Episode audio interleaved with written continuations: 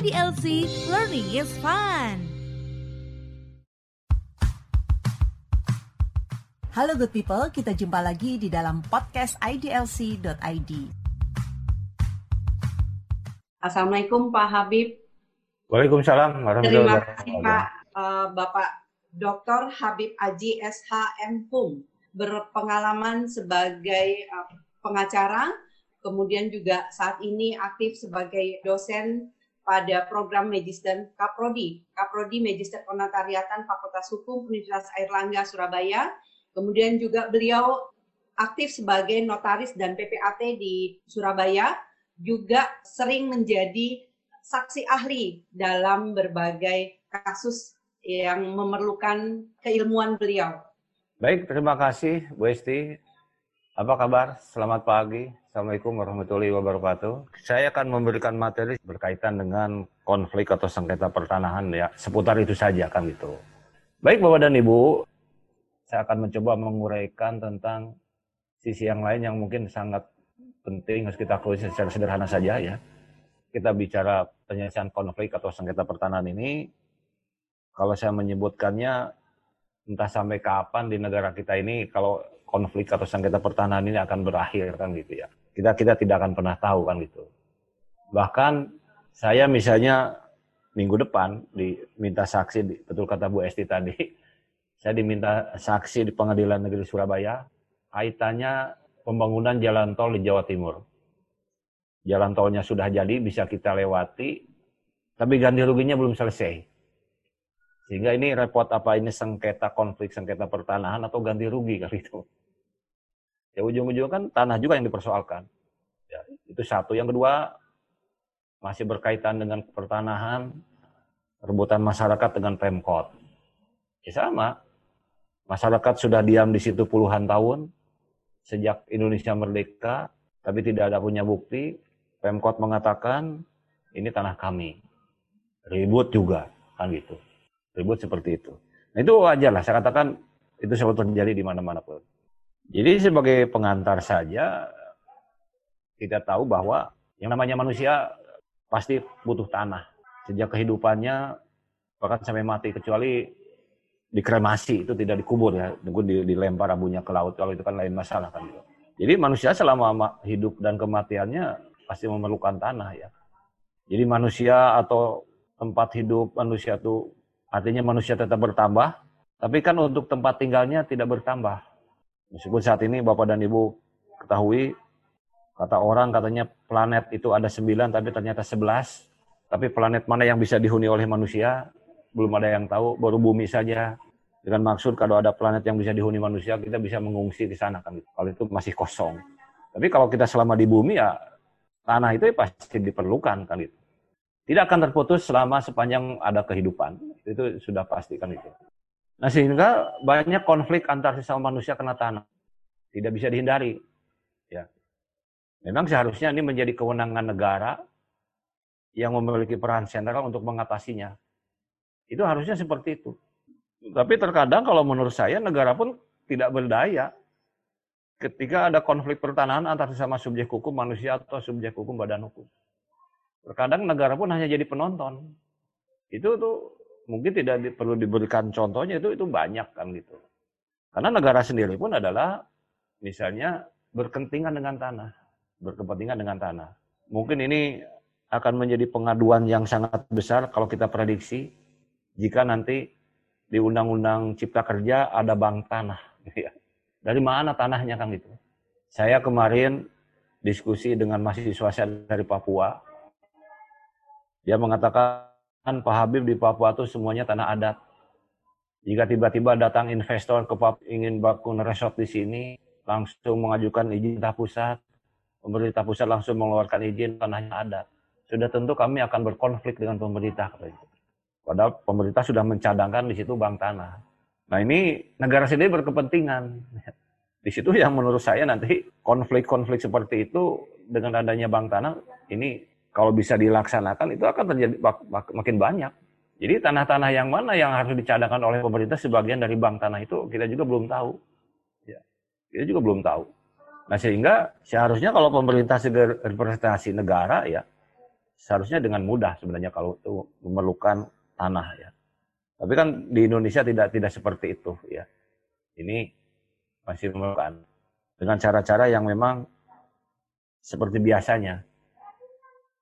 Nah sehingga Bapak dan Ibu kalau saya melihat sejarah sedikit saja, misalnya kalau kita lihat sejarah penyusunan undang-undang pokok agraria, memang kalau di Indonesia ini kalau kita kritisi namanya undang-undang pokok agraria ya, OPA orang menyebutnya. Seharusnya kalau undang pokok itu akan menjadi payung hukum untuk undang-undang di bawahnya. Jadi semua undang-undang yang berkaitan dengan tanah, air, dan ruang angkasa harusnya menginduk kepada UPA. Tapi kalau kita kritisi Bapak dan Ibu, ternyata UPA bukan undang-undang satu-satunya. Bapak dan Ibu bisa lihat undang-undang tentang kehutanan, perkebunan, pesisir, pantai, bahkan yang terbaru yang masih dipending oleh DPR undang-undang pertanahan. Itu berdiri sendiri. Itu berdiri sendiri. Tidak pernah ada kaitannya dengan UPA. Ya. Jadi seharusnya UPA itu menjadi undang-undang induknya, di bawahnya tuh ikut apa kata UPA namanya undang-undang organik. Tapi di Indonesia itu tidak. Undang-undang perkebunan yang ngatur sendiri, undang-undang kehutanan ngatur sendiri, undang-undang pesisir pantai ngatur sendiri. Ya, masing-masing saja. Tapi itulah sebenarnya menurut saya juga menjadi sumber konflik. Nah sehingga kalau kita kembali misalnya ketika Presiden Soekarno pidato di parlemen waktu itu, Soekarno mengatakan apakah terhadap tanah di negara Republik Indonesia itu negara itu memiliki atau menguasai. Karena dalam rancangannya adalah kalau kita baca negara itu memiliki. Jadi kalau negara memiliki atas tanah waktu itu konsepnya adalah berarti semua wilayah negara Republik Indonesia adalah milik negara sehingga negara bisa melakukan apa pun jika konsep itu konsepnya memiliki. Tapi kita baca dalam perdebatan di DPR ternyata akhirnya karena ada ancaman ingin memisahkan dari negara Republik Indonesia konsepnya diubah tidak memiliki tapi menguasai. Dengan konsep menguasai ini, maka daerah-daerah tertentu, daerah-daerah kerajaan masih boleh memiliki hak atas tanah. Bapak dan Ibu misalnya ambil contoh, Sultanan Jogja saat ini berhak atas tanah Jogja. Jadi kalau di Jogja itu ada istilah HGB di atas tanah Kesultanan Jogja. Hanya ada di Indonesia. Biasanya kan HGB itu diberikan oleh negara atau di atas tanah hak milik. Tapi di Jogja ada HGB di atas tanah Kesultanan Jogja. Karena memang diakui.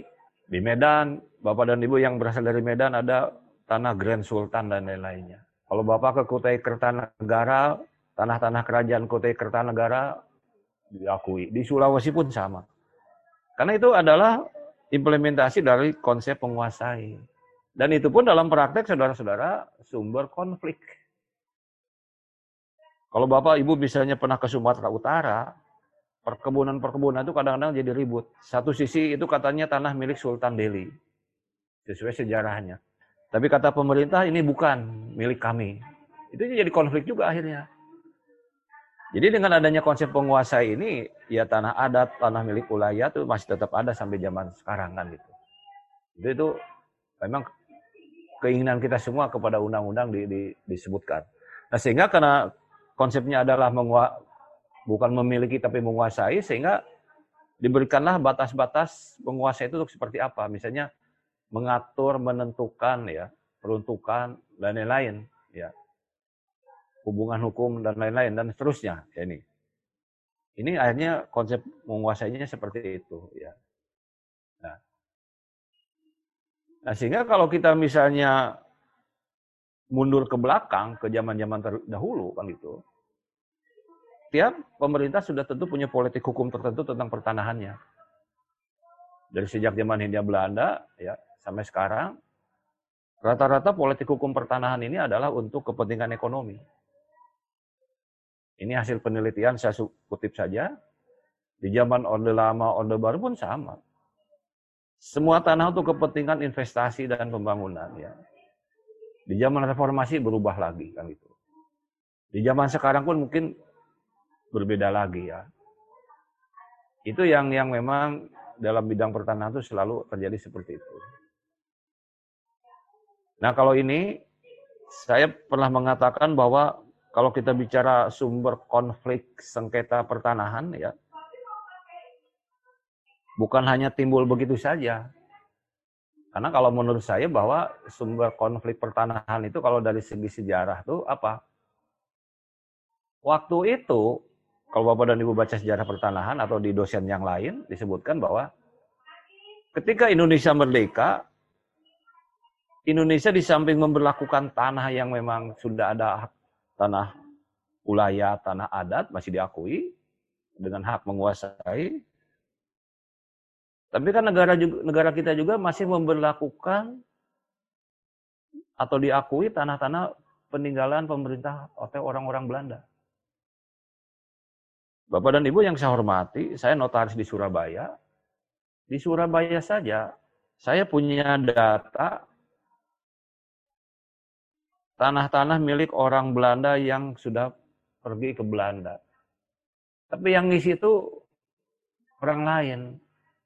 Tapi kalau kita mau beli tanah itu, sudah tentu kita namanya melalui BHP, ditanya siapa pemiliknya.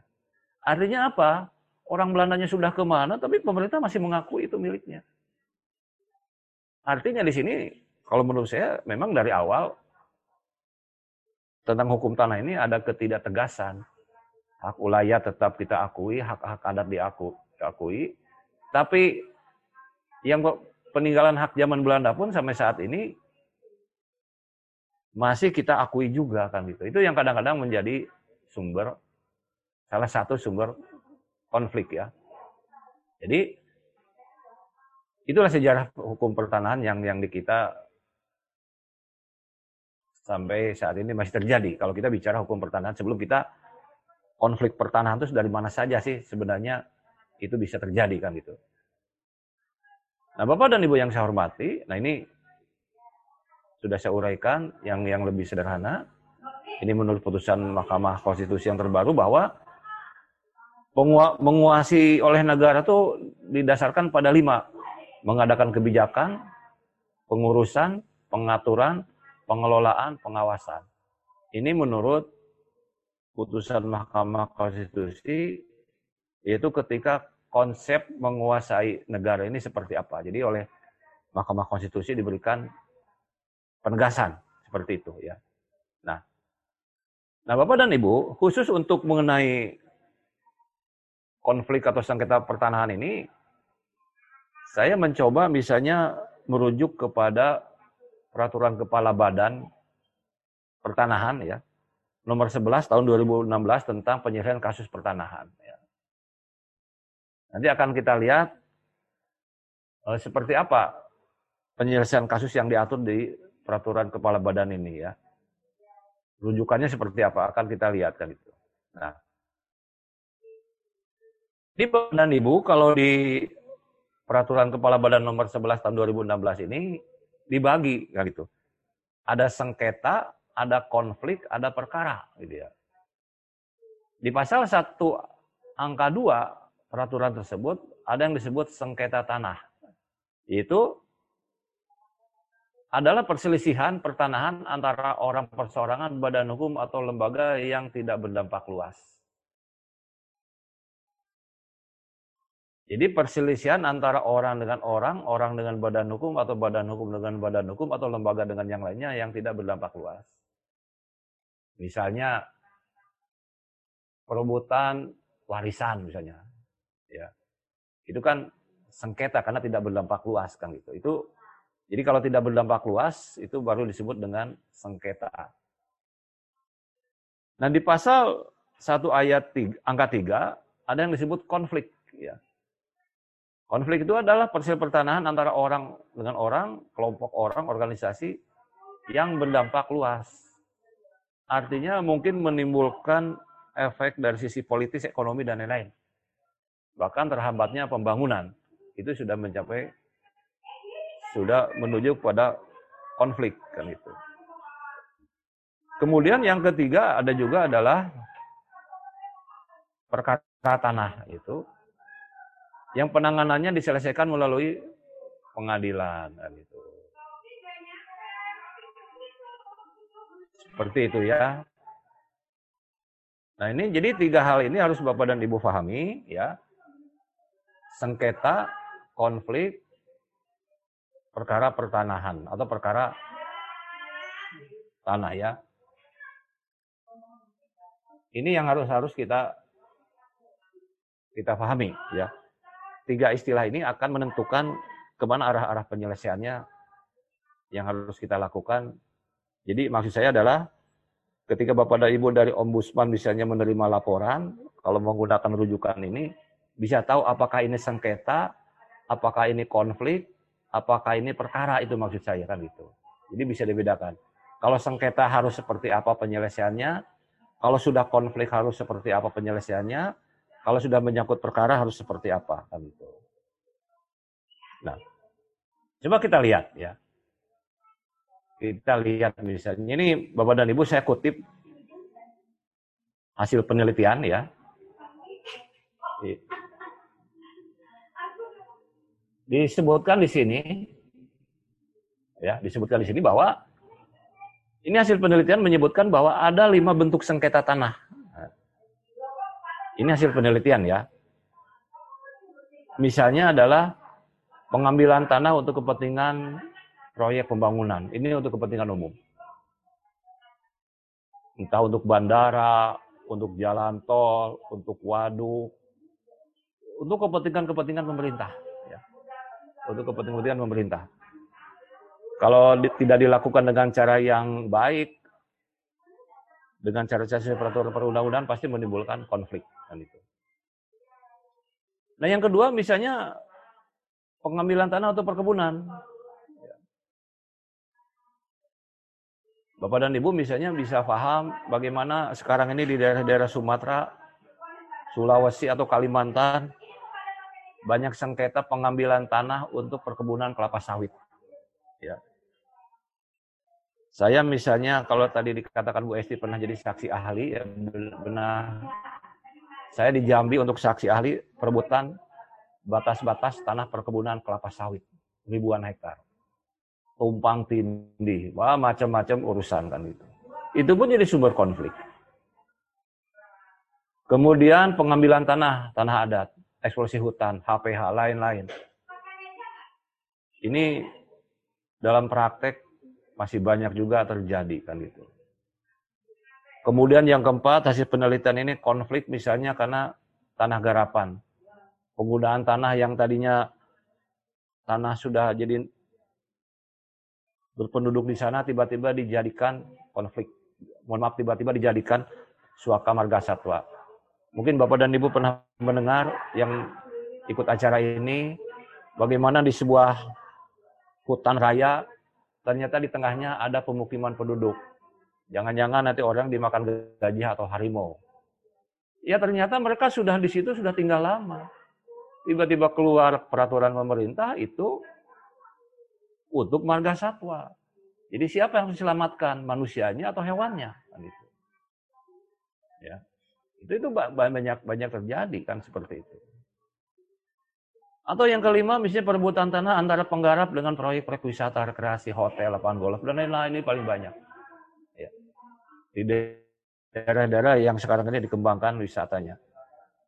Terakhir Bapak dan Ibu, saya diminta jadi saksi ahli di Labuan Bajo. Labuan Bajo ini sekarang sedang berkembang. Ada sebuah tanah 40 hektar yang tidak jelas siapa penggarapnya. Siapa pemiliknya. Tapi kemarin ada akan dibuat lapangan golf, hotel dan lain-lain. Ada investor. Apa yang terjadi? Bermunculan Pemda merasa memiliki. Mantan-mantan raja di sana kepala suku memiliki. Masyarakat merasa memiliki. Konflik. Yang terjadi apa? Ya investor artinya tidak jadi. Kabur terhadap hal-hal seperti itu. Ya. Ini saudara-saudara yang memang dalam praktek lima hal mungkin secara umum itu banyak terjadi di mana-mana. Ini mungkin digabungkan antara konflik pertanahan, sengketa pertanahan, dan perkara tanah. Jadi ini sudah bersatu seperti itu. Atau misalnya tipologi lainnya ada ya. Jenis-jenis konflik yang timbul disebabkan antaranya berdampak luas ya. Karena status kepemilikan, status penguasaan tanah, ganti rugi yang tidak jelas, ya, dan lain-lain banyak. Kalau kita eliminasi atau kita elaborasi makin banyak. Bahkan dalam praktek keterlibatan pemodal besar. Mafia tanah bisa makin memperkeruh. Bukan mempersempit masalah. Ini pun banyak dalam dalam praktek. Bahkan ini tipologi lainnya yang yang saya tahu konflik pertanahan tuh ya misalnya konflik terkait kehutanan. Nah, terkait aset BUMN, terkait penetapan pendaftaran tanah, batas tanah pengadaan, objek tanah dan lain-lain. Jadi banyak. Misalnya ada putusan pengadilan yang tidak bisa dilaksanakan. Itu pun banyak terjadi. Jadi Bapak dan Ibu yang saya hormati, sudah tidak bisa dibedakan lagi mana sengketa, mana konflik, mana perkara, gitu ya. Padahal kita inginnya adalah misalnya di ombudsman, kalau kita merujuk kepada peraturan menteri, ini sengketa, ini perkara, ini konflik, gitu ya. Nah seperti itu. Ini inginnya kita seperti itu dari hal-hal yang saya uraikan di sini. Nah, kita lihat misalnya ini yang biasa dikembangkan di Badan Pertanahan Nasional untuk lebih mempermudah katanya kalau ingin tahu sumber sengketa dan konflik pertanahan itu dibagi dua. Ada sengketa atau konflik hukum yang bersifat keperdataan atau bersifat administrasi. Administrasi ya, bukan administrasi ini kurang R ya. Atau yang kedua sengketa konflik kepentingan. Mungkin kalau sengketa konflik hukumnya kependataan administrasi bisa kita pahami. Tapi Bapak dan Ibu di Ombudsman paling juga nanti akan bisa menerima konflik kepentingan. Entah kepentingan pemerintah, kepentingan pejabat, kepentingan partai politik, kepentingan investor, macam-macam. Ya. Yang mungkin tadinya hanya sengketa kependataan atau administrasi karena ada konflik kepentingan menjadi konflik kepentingan politik. Saya misalnya Bapak dan Ibu, mohon maaf kalau saya sedengar cerita, atau mungkin ada peserta yang dari di Surabaya. Selama saya di Surabaya, di Surabaya itu ada yang namanya tanah hijau. Tanah hijau itu asetnya aset Pemkot, tapi bangunan milik orang yang bersangkutan. Tiap lima tahun pergantian wali kota, surat hijau itu selalu dijanjikan bisa bersertifikat. Tapi sampai saat ini tidak pernah terjadi. Karena di situ ada konflik. Kalau tanah hijau itu kan masyarakat sewa ke Pemkot. Bagi Pemkot adalah PAD. Kalau ini diberikan kepada rakyat semuanya tanpa ada sewa, Pemkot tidak ada pemasukan. Konflik. Kepentingan pendapatan asli daerah. Ya. Mungkin ombudsman yang di Surabaya itu sudah mendengar seperti itu. Saya sudah lama berdiskusi dan lain-lain, tapi sampai saat ini hanya menjadi komoditas calon wali kota saja tiap lima tahunan, tapi tidak pernah berhasil. Ya. Tidak tidak pernah berhasil kan seperti itu. Ya. Jadi ini saudara-saudara hukum konflik kepentingan kan gitu. Ini harus dipahami seperti itu yang bersifat kependataan atau bersifat administrasi. Nah, coba kita lihat satu persatu misalnya ini hasil penelitian dari BPN dan pihak-pihak lain ya. Misalnya kalau bersifat kependataan ya. Bersifat dari perbuatan melawan hukum atau PMH ya.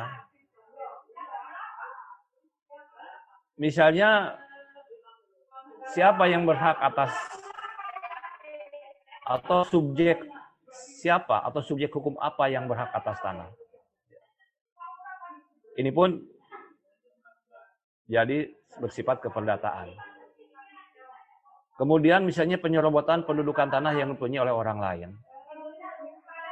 Itu itu banyak terjadi kan gitu. Atau karena misalnya patok-patok tanahnya dipindahkan. Itu paling banyak gugatan, laporan, lain-lain. Nah yang paling banyak adalah penyalahgunaan dokumen, surat keputusan. Apalagi Bapak dan Ibu misalnya kalau kita mengikuti dokumen-dokumen zaman Belanda, itu banyak yang palsu. Contohnya begini. Kan contoh misalnya, sejak tahun 80 sampai saat ini, pemerintah tidak pernah lagi mengeluarkan dokumen adat yang berupa girik ataupun yang lainnya. Tahun 80 ke bawah itu banyak.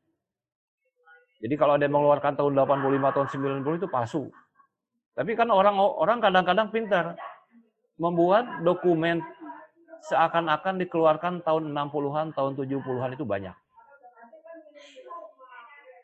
Sertifikat sudah jadi, tapi dia bisa menunjukkan dokumen zaman Belanda atau dokumen lainnya, konflik. Ya. Pemalsuan kan gitu. Kemudian adanya kerugian akibat perbuatan melawan hukum. Sengketa biasa ada sita menyita bersifat keperdataan jadi rame kan. Jadi di sini kita harus tahu apakah sengketa atau konflik ini keperdataan, berarti itu adalah subjek hukum tersedia yang bersengketa tanpa melibatkan pihak tertentu, misalnya Badan Pertanahan Nasional. Ada juga yang bersifat administratif. Ya. Nah, kalau bersifat administratif, sudah tentu di sini adalah, mohon maaf, misalnya Badan Pertahanan Nasional yang berperan. Misalnya pengesahan berita acara pengumpulan periksa data fisik yang belum disepakati. Ketika kita proses sertifikat, bukti apa yang dia dimiliki kan gitu. Kemudian misalnya tiba-tiba muncul sertifikat yang data yuridisnya belum lengkap. Itu banyak terjadi. Misalnya penolakan pendaftaran tanah berdasarkan putusan PN. PN sudah mengatakan misalnya Bu Esti menang, tapi BPN tidak mau tidak mau mengeksekusi, ribut lagi kan gitu. BPN sudah merasa benar ini tanahnya sesuai, tapi pengadilan ini salah, ribut. Kesalahan data fisik yuridis dalam pendaftaran tanah. Yang disertifikatkan tanah di jalan A nomor 10, tapi yang dikuasai jalan yang sama nomor 20 misalnya. Kesalahan. Meskipun sekarang kita tahu sebuah pertanahan pakai pemetaan yang sangat bagus ya, tapi dalam praktek tetap saja selalu ada kelemahan. Ini kesalahan data fisik itu banyak terjadi kan itu ya. Sehingga Indonesia sampai saat ini belum menganut sistem pendaftaran tanah yang sifatnya positif. Tapi antara positif dan negatif karena masih bisa dibuktikan lain. Nah ini di bidang pertanahan yang mungkin BPN. Atau misalnya di bidang pengurusan hak ya. Penetapan lokasi yang tidak partisipasi artinya tidak melibatkan masyarakat. Jadi masyarakat tidak pernah ditanya, tidak pernah diberitahu batas-batas tanah itu seperti apa. Di mana kan gitu. Dalam praktek ya asal tunjuk. Apalagi Bapak dan Ibu misalnya pernah pengalaman atau ikut serta dalam pemberian tanah yang ribuan hektar, kadang-kadang batasnya tidak jelas. Bahkan batasnya sebatas bata memandang saja kan itu. Meskipun sekarang ini peserta pekatan pakai alat namanya teodolit itu memang sangat bagus, tapi tetap saja kesalahan itu pasti terjadi. Nah sehingga ketika saya jadi saksi ahli di pengadilan negeri Jambi, ya tumpang tindih. Apakah benar lokasi ini seperti di sini sesuai BPN? Tapi kalau kata bidang perkebunan, itu tanah kami diambil alih. Tapi kata BPN ini tanah sesuai hasil pengukuran ditunjukkan batas, tapi pihak perkebunan kehutanan ini masuk tanah kehutanan, konflik, ya, ribut jadinya. Surat keputusan memberikan hak lokasi yang merugikan pihak lain, ya. Misalnya salah peruntukan, itu, itu banyak terjadi. Nah, Bapak dan Ibu, yang paling banyak ini penetapan tanah terlantar. Bapak dan Ibu masih ingat pemerintah pernah mengeluarkan siapa pemilik HGB perkebunan yang tidak digarap dalam jangka waktu sekian tahun akan dinyatakan sebagai tanah terlantar dan akan diberikan dilakukan ada distribusi kepada pihak lain. Ternyata BPN kadang-kadang hanya lihat tanah kosong, langsung mengeluarkan tanah terlantar. Ribut lagi kan seperti itu. Nah jadi Bapak dan Ibu yang saya hormati, dari kajian saya di atas, ada konflik pertanahan, sengketa pertanahan, perkara pertanahan harus kita pahami seperti itu. Dan yang kedua adalah apakah sengketa konflik ini keperdataan atau administrasi.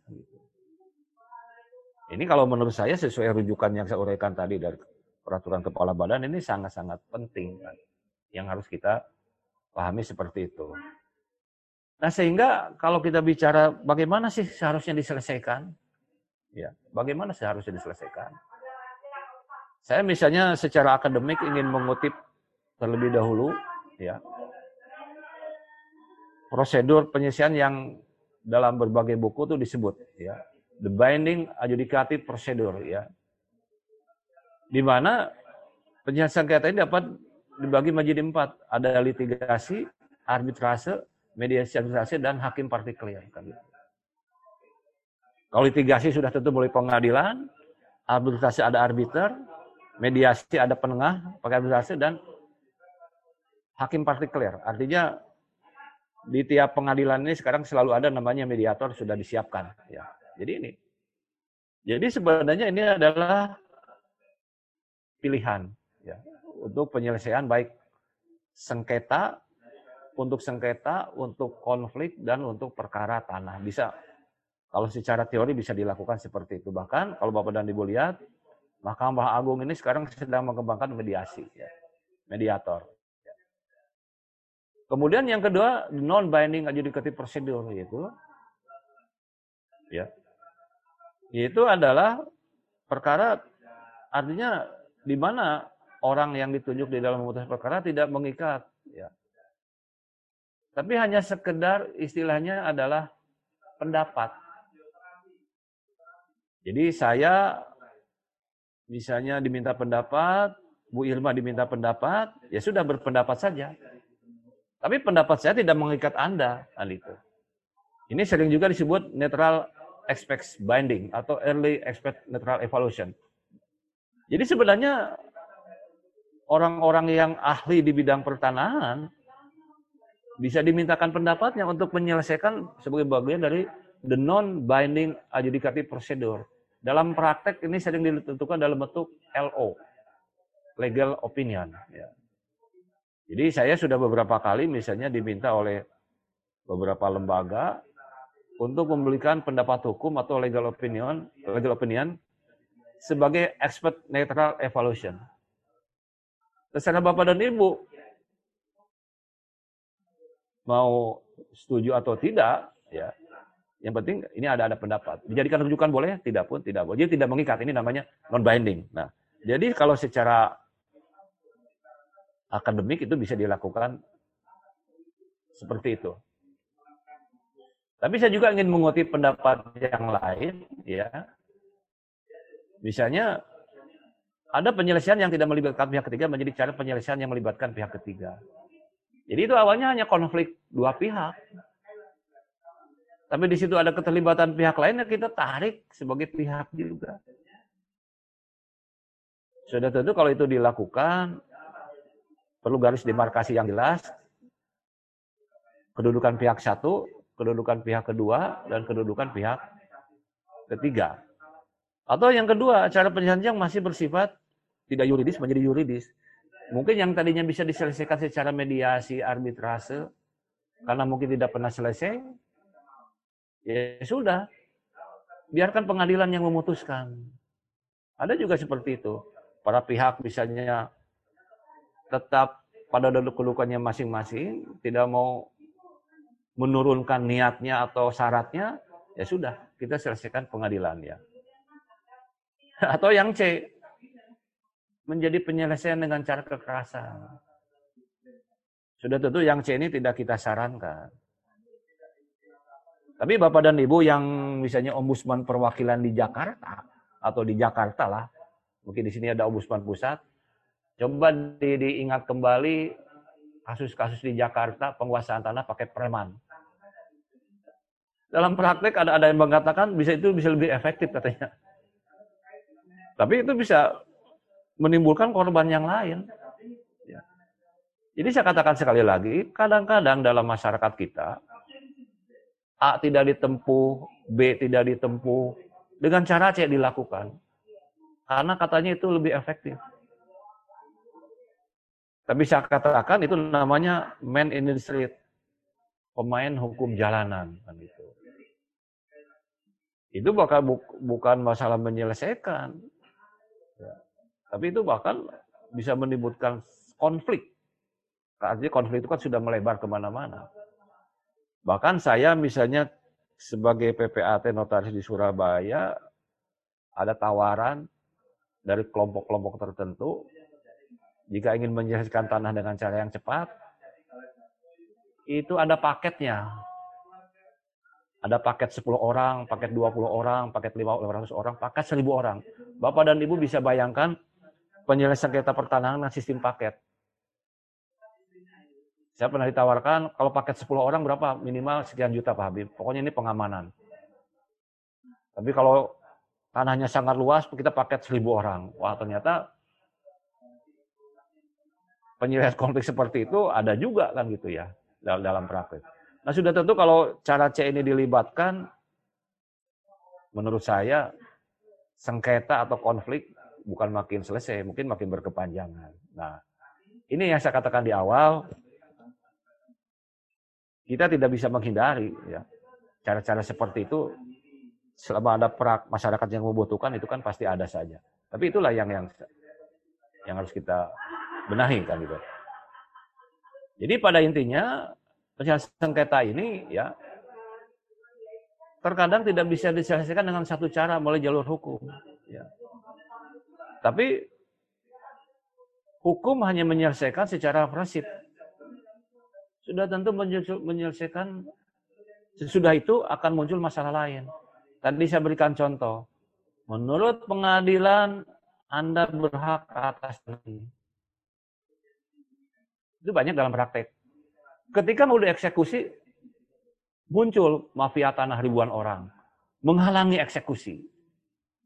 Haknya sudah benar menurut pengadilan, BPN juga mengatakan ini hak Anda, ketika mau dieksekusi, muncul rame lagi. Jadi satu masalah menyelesaikan masalah yang lainnya. Nah ini pun dalam praktek sudah tentu Bapak dan Ibu yang saya hormati, banyak juga itu itu terjadi seperti itu. Kita inginnya satu masalah selesai ya selesai, tapi itu tidak bisa dihindari. Kan itu. Nah, nah sekarang coba kita merujuk misalnya tentang penyelesaian sengketa konflik perkara pertanahan ini dengan melihat kepada Perkaban nomor 11 tahun 2016 ya. Jadi di, di Perkaban ini Bapak dan Ibu dibagi dua. Kita lihat kewenangan kementerian ya. Ada sengketa pertanahan yang menjadi kewenangan lembaga lain. Atau kalau saya uraikan, ada sengketa pertanahan, mungkin kependataan itu bukan urusan kementerian, tapi ada sengketa kena administrasi kesalahan kementerian. Nah, bisa seperti itu. Ya. Nah, coba kita akan melihat untuk sengketa yang menjadi kewenangan kementerian itu apa saja. Nah ini. Jadi akan disebut sengketa menjadi kewenangan kementerian, ya, jika kasus yang bersangkutan belum jadi sengketa tanah. Jadi belum sampai ke pengadilan. Ya. Jadi masih sengketa tanah belum konflik. Jadi kalau sengketa tersebut belum sampai ke pengadilan dan tidak berdampak luas, itu masih menjadi kewenangan Kementerian Badan Pertanahan Nasional. Mungkin kalau bagi Bapak dan Ibu di Ombudsman ini bisa melihat ini sengketa apakah ini konflik. Mungkin kalau belum sampai ke pengadilan ya sudah ini antar pihak saja termasuk sengketa tanah. Nah, nah kalau ini terjadi, penyelesaiannya adalah atau cara caranya bisa inisiatif dari kementerian. Ya. Jadi kementerian yang punya inisiatif ingin menyelesaikan. Bapak dan Ibu misalnya bisa melihat di kantor BPN pusat itu sudah ada dirjen tersendiri yang dirjen atau direktur yang khusus menangani sengketa. Sudah sudah ada dirjennya. Atau yang kedua, karena ada pengaduan. Nah, mungkin yang paling banyak ke ombudsman ini pengaduan yang harus disampaikan ke kementerian. Kalau itu memang masih sengketa pertanahan artinya belum berdampak luas ya. Nah, nah jadi Bapak dan Ibu di peraturan perkaban ini tidak perlu saya uraikan lebih panjang bahwa kalau itu menjadi urusan kementerian dan berasal dari pengaduan, ya, maka itu harus dimulai misalnya dengan pengaduan mulai dari tingkat ya kantor pertanahan yang paling bawah. Ya. Mulai dari kantor pertahanan kota kabupaten, ke wilayah dan ke pusat. Jadi di sini kalau di, di peraturan kementerian ini melalui loket pengaduan ya, atau di websitenya. Jadi ada loket pengaduan, ada kotak surat website ini sebagai salah satu upaya agar masyarakat lebih mudah melakukan pengaduan ya. Kemudian disebutkan identitas pengadunya dan uraian kasusnya ya. Kemudian jika itu diterima di loket, maka diberikan surat tanda pengaduan, kemudian diregistrasi ya kan. Kemudian akan ditindaklanjuti oleh kantor pertanahan seperti itu sesuai mekanisme yang ada. Nah. nah, jadi Bapak dan Ibu kalau dari BPN data yang dikumpulkan itu berupa data fisik, data yuridis dan lain-lain. Ini ini memang harus ada ya. Jadi karena penyelesaian ini semata-mata kalau kewenangan kementerian maka kementerianlah yang menentukan seperti apa yang yang harus kita kita pahami ya tentang data-data yang harus diminta. Nah ini saya hanya sekedar uraian saja dari hal yang sudah ditentukan ya. Di sini misalnya di sini disebutkan sengketa atau konflik pertanahan menjadi kewenangan kementerian antara lain seperti ini. Jadi dalam praktek Bapak dan Ibu yang saya hormati, masyarakat kadang-kadang tidak tahu apa ini sengketa, apa ini konflik, apa ini perkara. Masyarakat juga kadang-kadang tidak paham apakah ini sengketa karena akibat kependataan atau sengketa karena ini kesalahan administrasi kan itu. Tapi di sini sengketa atau konflik itu akan menjadi kewenangan kementerian seperti ini. Kesalahan prosedur dalam pengukuran, pemetaan dan atau perhitungan luas ya. Karena ini memang kewenangan mereka. Proses pengukuran misalnya luasnya 500 meter kok jadi 700 berarti 200 punya siapa? Ribut. Kalau itu memang kesalahan kementerian karena kesalahan menuliskan ya bisa diperbaiki oleh kementerian sendiri. Prosedur pendaftaran, penegasan pengakuan atas tanah hak milik Anda, ya. Ini pun banyak dalam praktek kan gitu tentang prosedur dan sertifikat kan orang menyebut seperti itu. Jadi ini semata-mata Bapak dan Ibu bisa baca yang menjadi kewenangan kementerian ini adalah karena kalau kita lihat kementerian ini berada dalam ranah hukum administrasi, semuanya karena prosedur. Semuanya karena prosedur. Sebagai contoh Bapak dan Ibu, ya di tempat saya di Surabaya itu ada sebuah sertifikat dibatalkan Kantor pertanahan mengakui bahwa ini sertifikat saya yang buat. Para pejabatnya mengakui ini tanda-tanda tanda tangan saya. Tidak ada masalah. Dengan fisik sertifikat, dengan tanda tangan, dan dengan semua dokumennya tidak ada yang salah. Tapi orang bisa membuktikan kesalahan di mana prosedur. Misalnya, kita tahu yang namanya sertifikat diterbitkan itu katakanlah dari loket 1, loket 2, loket 3, loket 4, loket 5, loket 6. Itu urut, berurut. Karena ini prosedur. Tapi dalam kasus yang saya sebutkan tadi, sertifikat memang terbit. Tapi loncat-loncat. Di loket langsung ke ke meja 5, meja 5 ke meja 4, meja 4 ke meja 7, meja 7 meja ke 8. Karena ini permainan. Ada orang bisa membuktikan bahwa ya Buku tanahnya belum terbit tapi sertifikat sudah muncul. Rame. Ya. Padahal yang penting itu adalah buku tanahnya selesaikan. Dari buku tanah ini maka bisa diterbitkan sertifikat. Tapi ini belum. Sertifikat muncul duluan, buku tanahnya belakangan. Tanah belum diukur, pengukuran sudah keluar. Ini prosedur. Ini kalau memang itu terbukti adalah kesalahan di Badan Pertanahan Nasional setempat. Jadi kita harus tahu kewenangannya seperti apa. Mohon maaf, Bu Esti, sampai berapa lama ini? Belum pendengaran? Sampai berapa lama? Masih di mute tuh.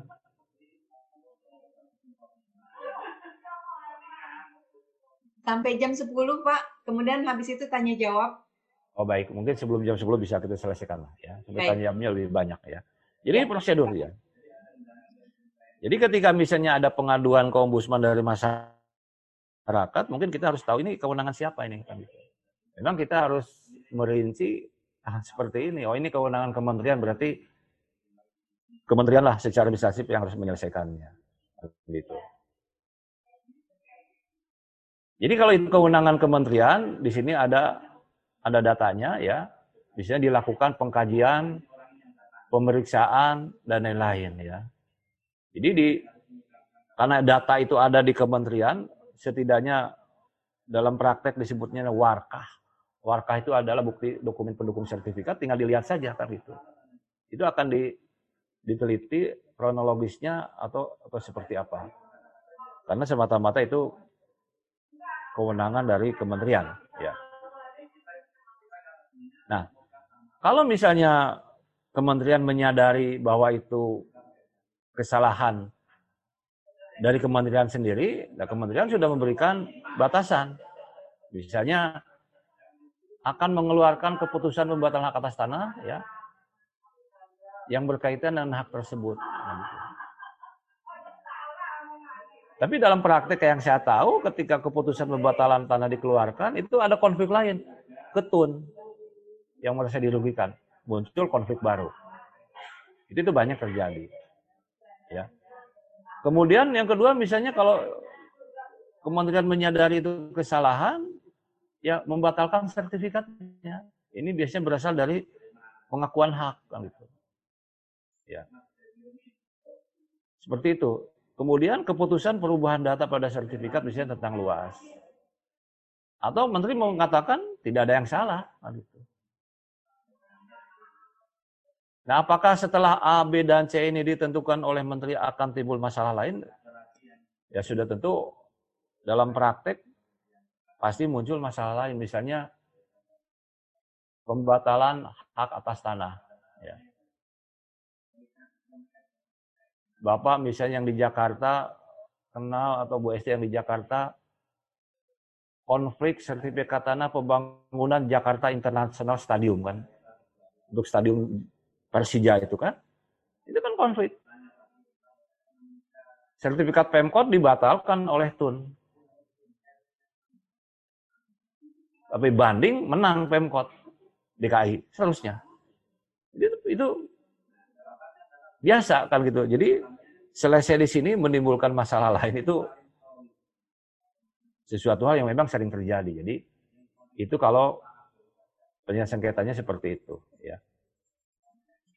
Atau dalam praktek misalnya terjadi tumpang tindih sertifikat. Sudah ada sertifikat, muncul sertifikat lain. Itu banyak terjadi kan gitu. Jadi yang mana yang sah? Nah ini dalam praktek. Kalau Bapak dan Ibu bertanya kepada saya, ini memang sulit jawabnya. Mana yang sah? Misalnya ada kejadian begini Bapak dan Ibu. Saya punya sertifikat. Saya jaminkan di bawah tangan kepada teman saya. Kan gitu. Jadi saya jaminkan di bawah tangan kepada saya. Teman saya terima sertifikat saya, saya terima uang 100 juta. Saya nakal nih. Apa yang saya lakukan? Karena yang dijaminkan tidak tercatat di mana-mana atau di bawah tangan, apa yang saya lakukan?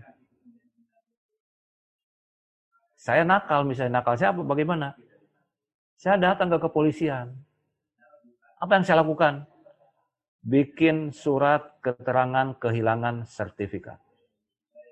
Bermodalkan surat keterangan kehilangan sertifikat ini, saya datang ke BPN. Pak BPN, saya mohon dikeluarkan sertifikat pengganti karena yang punya saya hilang. Mana buktinya? Ini surat keterangan kepolisian. Oleh BPN diprotes, bikin berita acara, diumumkan di koran. Akhirnya keluarlah sertifikat baru. Keluar sertifikat baru. BPN biasanya mengatakan sertifikat yang hilang dinyatakan tidak berlaku. Terbukti, itu bukan hilang, memang digadaikan. Nah, terjadilah tumpang tindih sertifikat, bukan hanya tanahnya, sertifikatnya. Nah, itu terjadi juga dalam praktik ya. Jadi penerbitan keputusan atas tanah maupun sertifikat menghilangkan atau menimbulkan hak pendataan lain. Ya. Jadi ini terjadi dalam dalam praktek seperti itu ya. Ini pun kita harus tahu ya.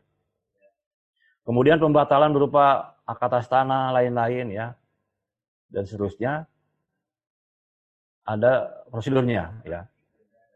Nah ini kepala kantor pertanahan juga berwenang menindaklanjuti jika misalnya pembatalan ke hak atas tanah, keputusan pembatalan, dan lain-lain perubahan data itu harus ditindaklanjuti kan itu.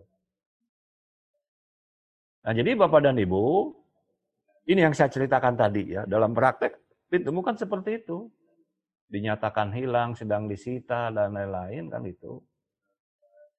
Mau tidak mau harus kita kita pahami ya. Nah, ini diblokir dan lain-lain, tapi ini ini hanya teknis saja karena kewenangan kementerian nanti Bapak dan Ibu bisa baca dari bahan ini ya.